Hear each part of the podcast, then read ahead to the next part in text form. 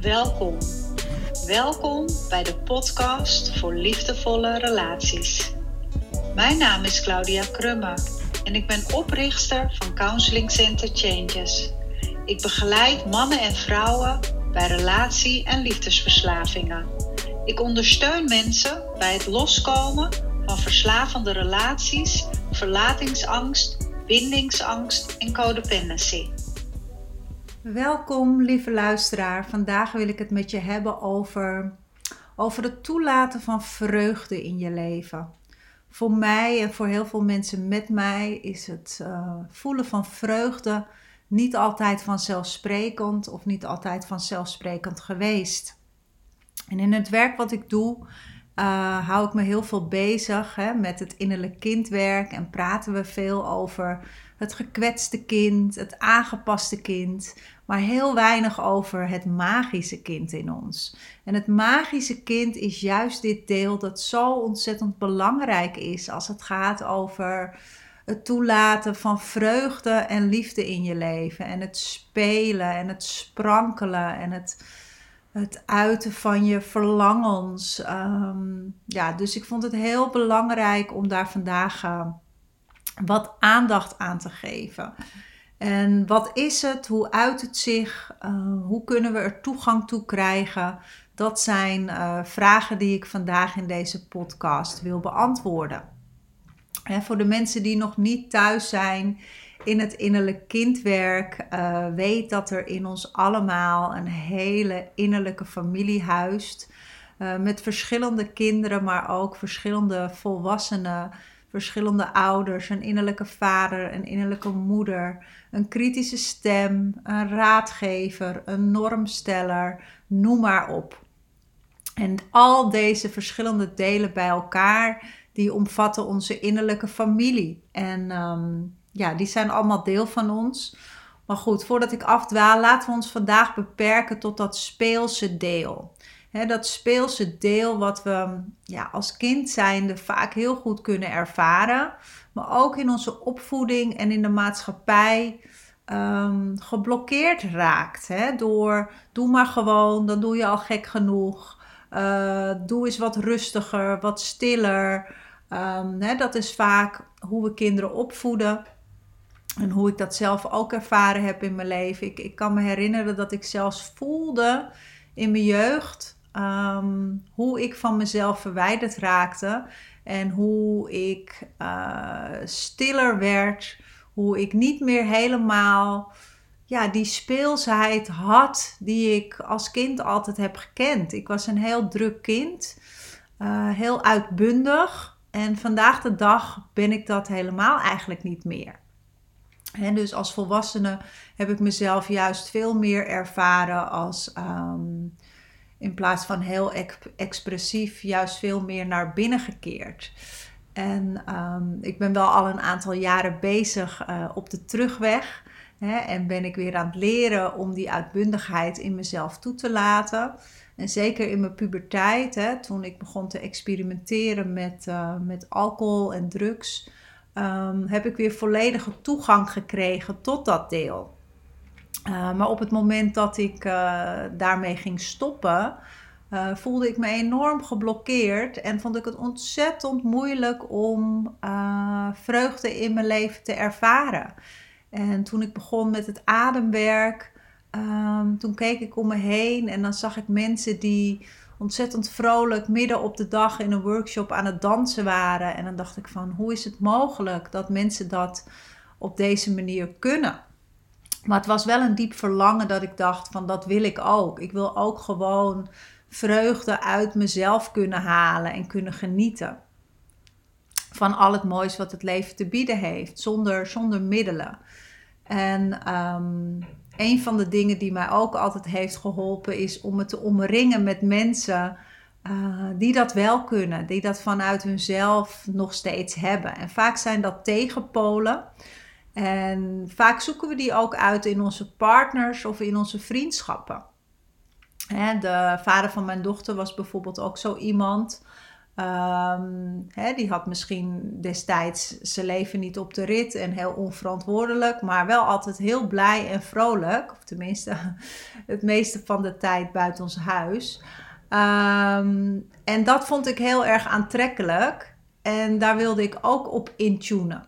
En vandaag de dag uh, heb ik het in mijn vriendschappen dat ik mensen opzoek die die vreugde en die sprankeling en die levensenergie um, ook heel erg uiten.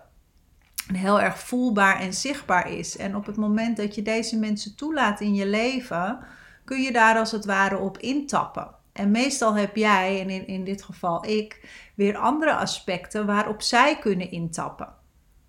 dus dan is het een hele mooie wisselwerking uh, in energie uh, die je elkaar kunt geven.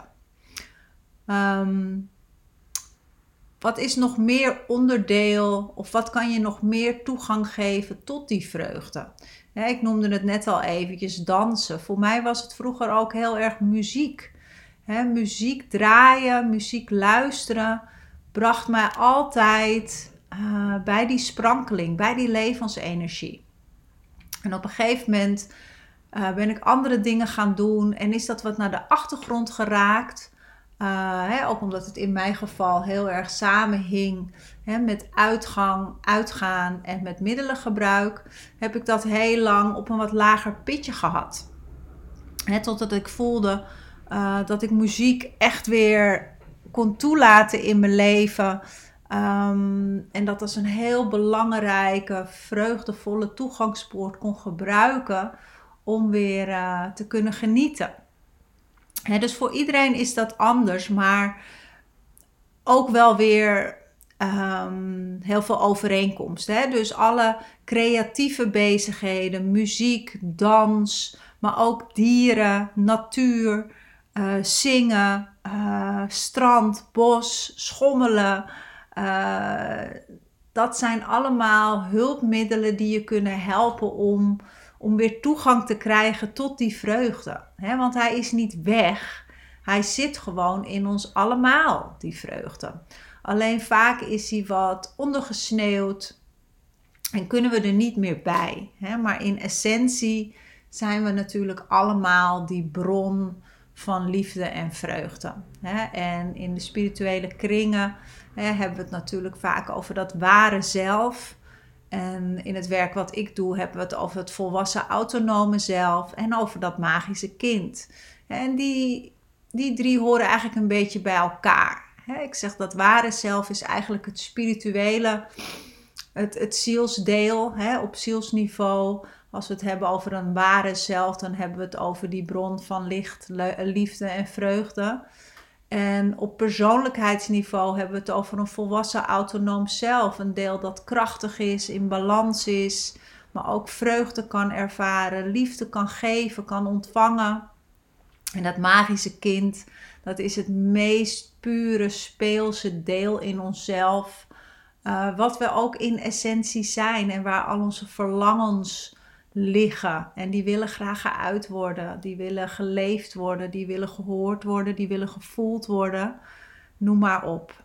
dus reflecteer maar even en vraag jezelf maar even af: hoe zit dat bij mij? wat is bij mij ehm, wat mij toegang geeft tot dat magische speelse kind? Is het mijn vrouwelijkheid? Is het mijn, mijn seksuele energie? Is het, um, hè, voel maar eventjes wat als eerste naar boven komt als je, als je die speelsheid hoort. En is het bij jou ook verdrongen hè, door de opvoeding of door de maatschappij of door de dingen die je hebt meegemaakt? Hè, of kun je het nog heel erg voelen? Uh, ik heb een klant met wie ik volgende week uh, een podcast ga opnemen. Zij is al enige tijd uh, bij mij in traject en zij vertelde hoe ze had genoten vorige week of een paar dagen geleden met de sneeuw. Uh, en dat dat magische kind heel erg voelbaar was. Uh, nou moet ik zeggen dat voor mij de sneeuw geen toegangspoort was voor mijn magische kind. Hè, maar bij mij is het dus um, ja, de dans en de muziek hè, die me heel erg laat verbinden met dat deel.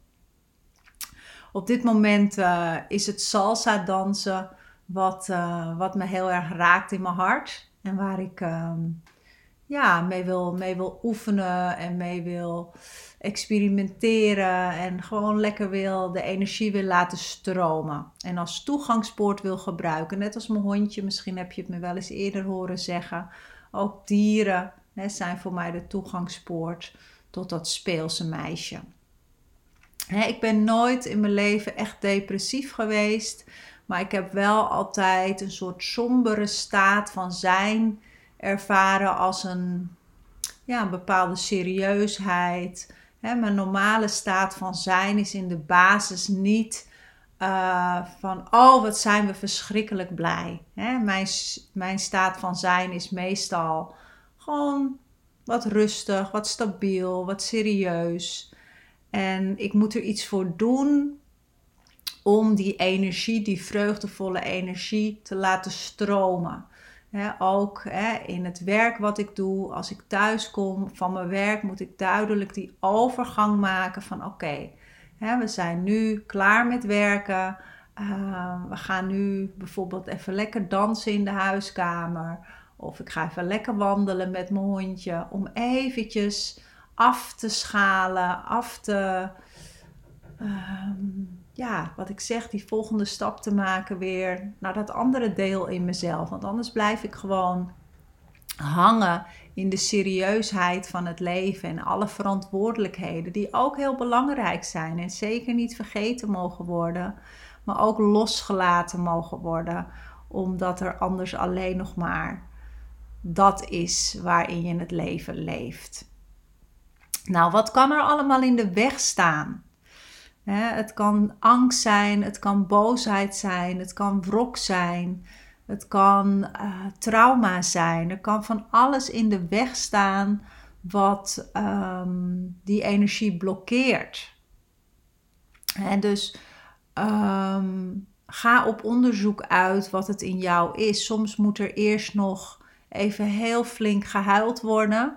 Hè? Uh, moet de energie er op die manier uit om die laag dieper weer te kunnen komen uh, bij een van die verlangens. Want op het moment dat je geblokkeerd bent door boosheid, woede, angst of verdriet, dan kun je ook niet voelen wat dat magische kind wil. Dan kun je niet voelen uh, welke verlangens er in je zitten. dus het is altijd een samenspel van, van verschillende delen. En het is nooit dat je alleen maar meteen toegang kan krijgen um, ja, tot dat speelse deel als er nog iets in de weg staat.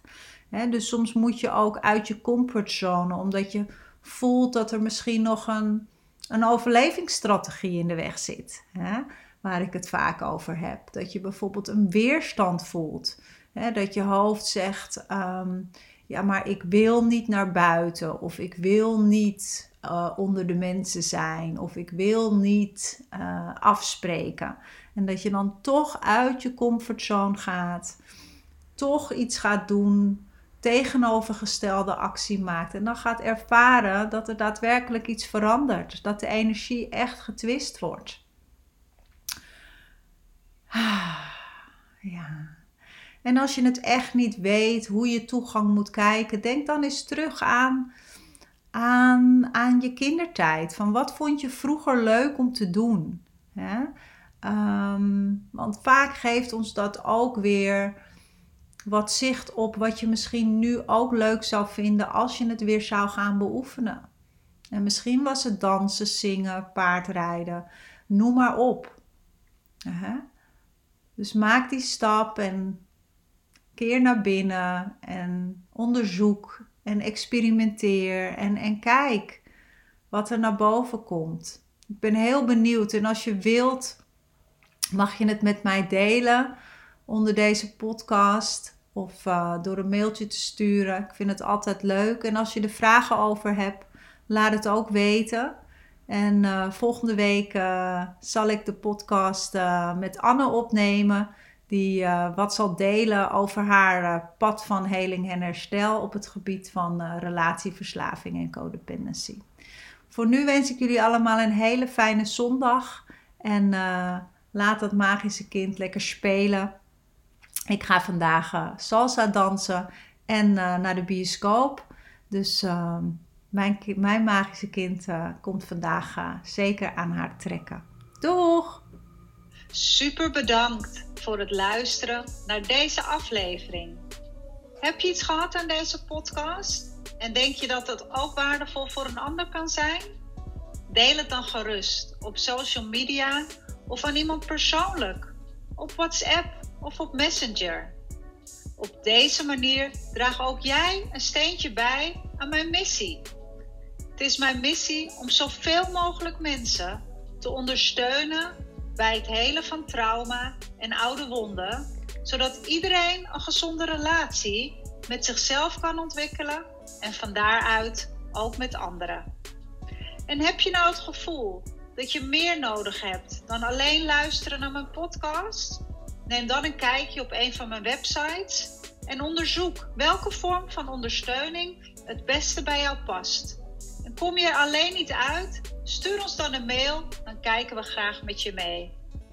Voor nu wens ik je een liefdevolle dag toe en tot volgende week.